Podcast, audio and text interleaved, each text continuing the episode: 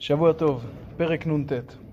הן לא קצרה יד אדוני מהושיע, ולא כבדה אוזנו משמוע. כלומר, זה שהקדוש ברוך הוא לא מושיע, גואל את ישראל, או זה שבכלל התאפשר החורבן, זה לא בגלל שידו של השם קצרה, כי אם בגלל חטאי ישראל, ופה ישעיהו מונה את חטאיהם. כי אם עוונותיכם היו מבדילים ביניכם לבין אלוהיכם, וחטאותיכם הסתירו פנים מכם משמוע. ומה הם החטאים? כי כפיכם נגואל ובדם, ואצבעותיכם בעוון. שפתותיכם דיברו שקר, לשונכם עוולה תהגה, שפיכות דמים, שקר. אין קורא וצדק ואין נשפט באמונה. בטוח על תוהו ודבר שווא. הרו עמל והולד אבן, הרו מלשון הריון, זוממים, הורים, כל הזמן מחשבות של עמל, עמל פה במובן של חטא. ביצי צפעוני ביכהו, וכורי עכביש יהרוגו, האוכל מביציהם ימות, והזורה תיבקע אפעה. כלומר, כל אותם נחשים, כל אותם אנשים שזוממים רע, מי שמצטרף אליהם יאכל מביציהם ימות, ואפילו מי שמנסה להתרחק מהם זה מאוד מאוד קשה. כוריהם קורי עכביש, כלומר התוכניות שלהם לא יהיו לבגד ולא יתכסו במעשיהם. מעשיהם מעשה אוון ופועל חמאס בכפיהם. כלומר בסוף לא צומח מזה שום דבר טוב, הכורים האלה לא מגיעים לכלל בגד. מי שמצטרף אליהם וחושב שיהיה לו טוב, יתבדה בסוף. רגליהם לרע ירוצו וימהרו לשפוך דם נקי. מחשבותיהם מחשבות אוון, שוד ושבר במסילותם. דרך שלום לא ידעו, ואין משפט במעגלותם. נתיבותיהם יקשו להם, כל דורך בה לא ידע שלום. אנחנו רואים פה שישעיהו מטהר רוב החטאים בהיבט של בן אדם לחברו, של רצח, של דיבור שקר, של מזימות וכן הלאה. התוצאה של זה, על כן, רחק משפט ממנו ולא תשיגנו צדקה.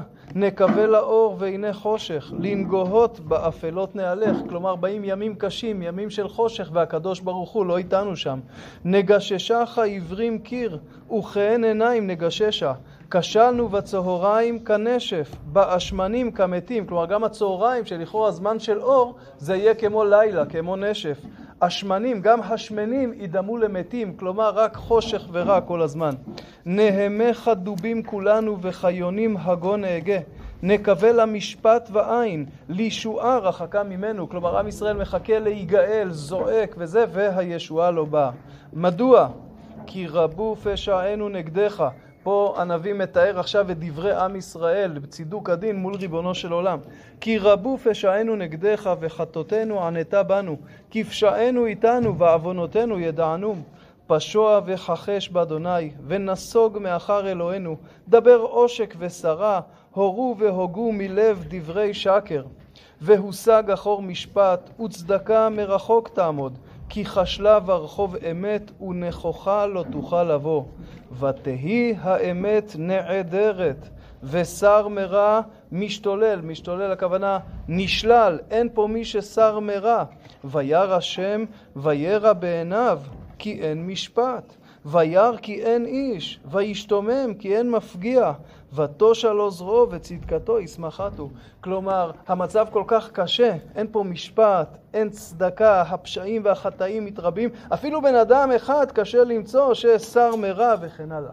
התיאור הזה הוא תיאור מאוד מאוד קשה. כלפי מה מתכוון ישעיהו, לאיזה תקופה הוא מתכוון. אפשר להסביר את זה בשתי צורות. אחת, הוא פונה כבר לימיו.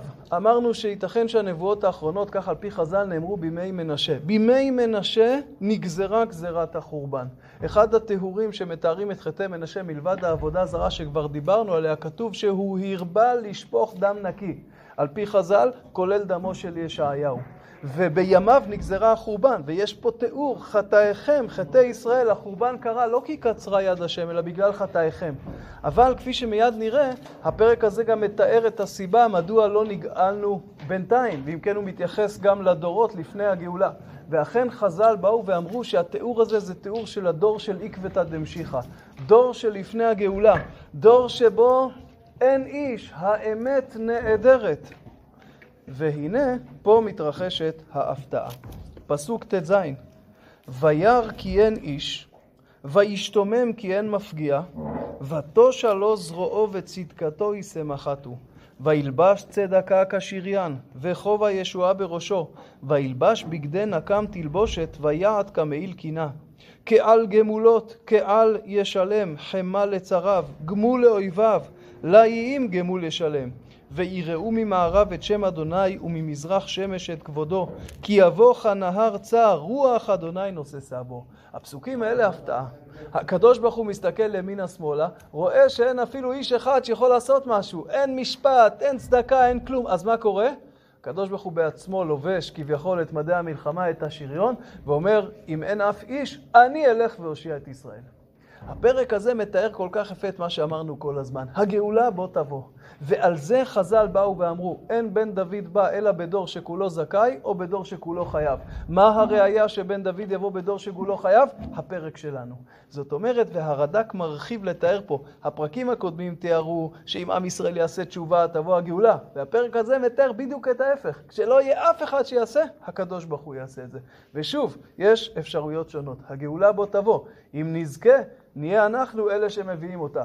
לא נזכה חלילה, הקדוש ברוך הוא בסוף ידאג להביא. ופה פסוקי הסיום הכל כך נפלאים. ובא לציון גואל, ולשווה פשע ביעקב נאום אדוני. הקדוש ברוך הוא יגאל את עם ישראל. ולשווה פשע, שווה פשע, אחרי שהוא יגאל, אז גם עם ישראל יחזור מפשעו וישוב אליו. ואני זאת בריתי אותם, אמר אדוני, רוחי אשר עליך, ודברי אשר שמתי בפיך, לא ימושו מפיך ומפי זרעך ומפי זרע זרעך, אמר אדוני מעתה ועד עולם. הפסוקים הללו, פסוקי הגאולה שאנחנו אומרים כל יום בתפילה, הם פסוקים נפלאים. מהי אותה ברית? מהי אותה הבטחה? אפשר להבין אותה בשתי צורות. אפשרות אחת, מכאן ולהבא. אחרי שהקדוש ברוך הוא יגאל אותנו, הוא כורת ברית, ואומר הברית הזאת תאמר שרוחי תחזור לשרות עליך, רוח הנבואה ורוח השם, ויותר לא תמוש. אבל יש פרשנים שמסבירים את זה כלפי העבר. כלומר, באים עם ישראל ושואלים, ריבונו של עולם, בסדר, בסוף תגאל אותנו, אבל איך נחזיק מעמד עד אז? איך עם ישראל ישרוד? אומר הקדוש ברוך הוא, אני כורת איתכם ברית. מה הברית שאני כורת איתכם? שרוחי אשר עליך ודבריי לא ימושו מפיך. לא יהיה מצב שבו התורה תמוש מפי ישראל. ואכן הברית הזאתי התקיימה. אלפיים שנה שהיינו בגלות, לא היה דור שבו התורה משה מפי ישראל. וזה מה ששמר את עם ישראל בצורה שלא הייתה כזאת אצל אף אומה בהיסטוריה.